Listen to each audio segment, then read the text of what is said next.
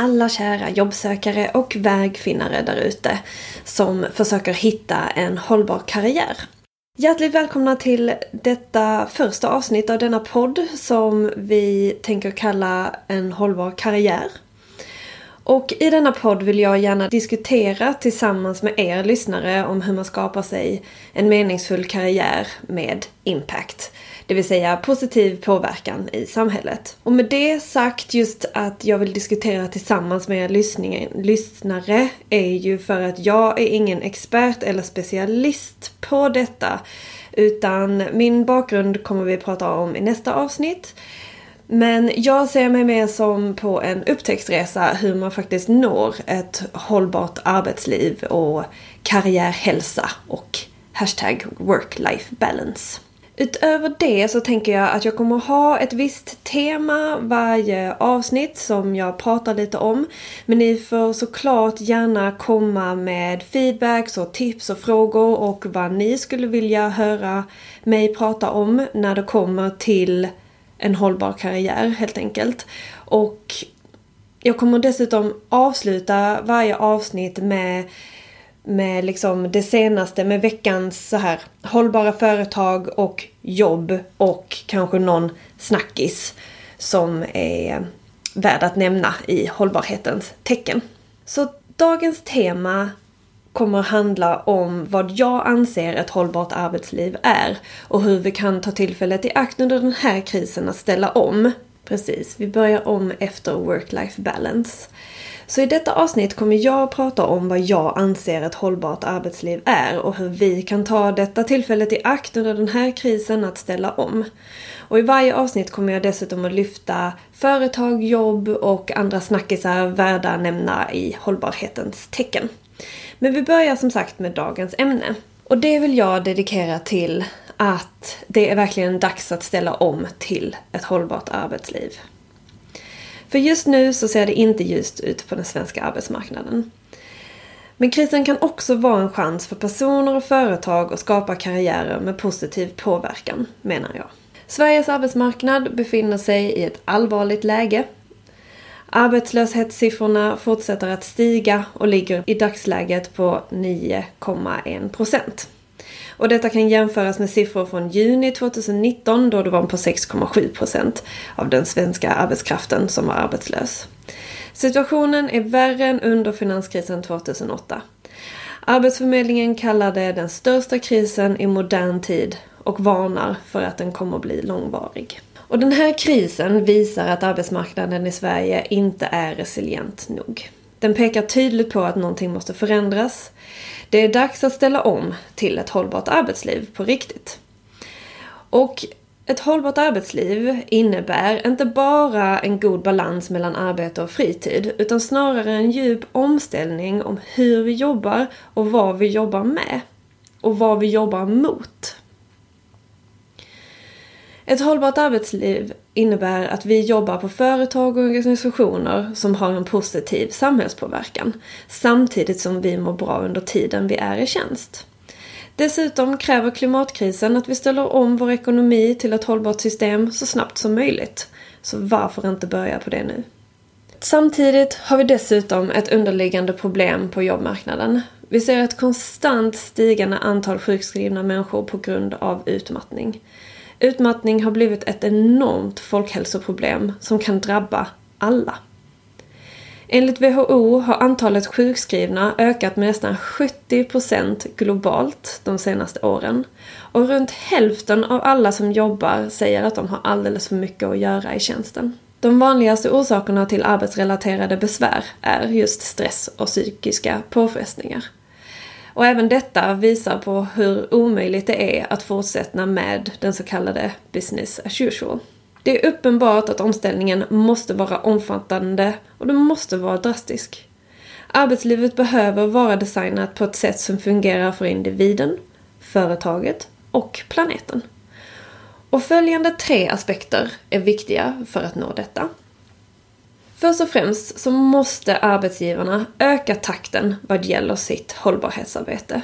De måste ta sin hållbarhetspolicy på allvar. Det behövs en utförlig strategi som är transparent och mätbar. Alla företag bör minska sin klimatpåverkan och vidta passande åtgärder därefter.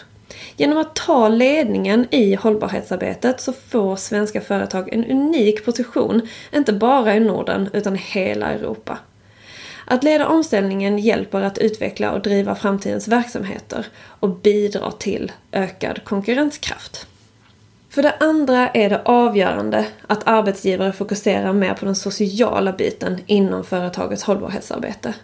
Alla förtjänar en trygg och stressfri arbetsplats där allas åsikter och perspektiv välkomnas. En intern hållbarhetspolicy bör upprättas som till exempel kan innehålla process för kompetensutveckling, rekrytering av mångfald, prevention av utmattning och andra förebyggande verktyg för att personal ska må bra på arbetsplatsen. Ju bättre medarbetare trivs på sin arbetsplats, desto friskare och mer produktiva är det. Det är ingen komplicerad ekvation. Dessutom är det mer sannolikt att de stannar längre i företaget och på så sätt blir företag och organisationer mer resilienta mot upp och nedgångar på arbetsmarknaden. Tredje punkten är att arbetskraftens krav måste stärkas. Även om det inte verkar så just nu så är arbetstagarna i ett bra läge. Den demografiska förändringen i och med en åldrande befolkning leder till att många i viss utsträckning kan faktiskt välja jobb. Och det gäller särskilt för personer med vidareutbildning. Det pågår redan nu ett så kallat War for Talent. Vilket betyder att företag söker med ljus och lykta efter rätt talang till deras team. Och det gör i sin tur att de som söker jobb borde kunna ställa höga krav. Till exempel begära flexibla arbetstider, stresspolicy eller kräva att företaget agerar mer hållbart på annat sätt. På så sätt underlättas matchningen mellan arbetstagare och arbetsgivare och arbetsmarknaden blir mer stabil. Pandemin visar att det är möjligt att ställa om snabbt och därför är det dags att ställa om till ett hållbart arbetsliv. Arbetstagare fyller sitt jobb med mening och förblir friska. Arbetsgivare bidrar aktivt till en hållbar framtid genom att minska klimatpåverkan samt skapa sunda och trygga arbetsplatser. Den här omställningen gör den svenska arbetsmarknaden mer resilient och är därför en chans för alla som letar efter jobb just nu. Låt oss skapa ett hållbart arbetsliv som ett alternativ till business as usual. Ja, så det var liksom dagens ämne så att säga. Och kom gärna med feedback till vad ni tycker om detta. Är det liksom eh, helt naivt och omöjligt att uppnå eller tycker ni att det är på tiden att någon börjar prata om detta? Skriv gärna till mig på kristina impactjobs.se Och för fler hållbara jobb tjänster så kan ni gå in på impactjobs.se. Där lägger jag med jämna mellanrum upp jobbannonser från hållbara, medvetna företag som har koll på läget, så att säga. Mer om det senare, vad Impact Jobs är och gör. Men det var hemsidan i alla fall. Och kanske vad jag vill lägga till till dagens tema det är att man kan absolut fortsätta att diskutera huruvida vems ansvar det är. Jag tycker det är mycket diskussion. Vems ansvar är det för att vi går mot en hållbar utveckling? Att det är väldigt mycket lagt på individen och det var till och med med vissa arbetsgivare som jag har pratat om med med stresspolicy och så vidare att de vill ju väldigt gärna få det till att det är mycket individansvar. Att man måste säga till när man har för mycket att göra, när man känner sig utmattad, att man måste säga nej, att man måste själv ha koll på läget. Men samtidigt när man pratar med experter så säger de att det står klart och tydligt i alla riktlinjer att det är arbetsgivaren som har ansvar för arbetstagaren under arbetstid. Och sen kan man också diskutera vad man skyller det på. Folk skyller på social media och att vara online konstant. Och det tycker jag absolut har mer med saken att göra än kanske social media. Så tror jag att det är liksom själva det här att man är uppkopplad. Att man är tillgänglig alltid. Och det får man kanske verkligen se hur det funkar för en själv. Att man kanske måste stänga av någonstans, man kanske måste säga nej. Och mycket som kanske då arbetsgivare inte kräva att man är tillgänglig hela tiden och göra, göra det väldigt tydligt. Men jag menar, den enklaste lösningen och det enklaste svaret är ju att vi alla har ett ansvar. Att vi kanske ska sluta skjuta det på andra och verkligen se att det är ett, ett ansvar som vi alla måste ta tillsammans. Alla måste bidra. Det är samma kan jag känna när man går in i en livsmedelsbutik och, och försöker handla hållbart, att hålla koll. Vilken är konfliktmat? Vilket är hitfluget? Vilket är odlat på ett hållbart sätt? Och så vidare. Jag menar det skulle ju ta hela dagen för mig att handla handla in mat för veckan om jag skulle ha koll på det.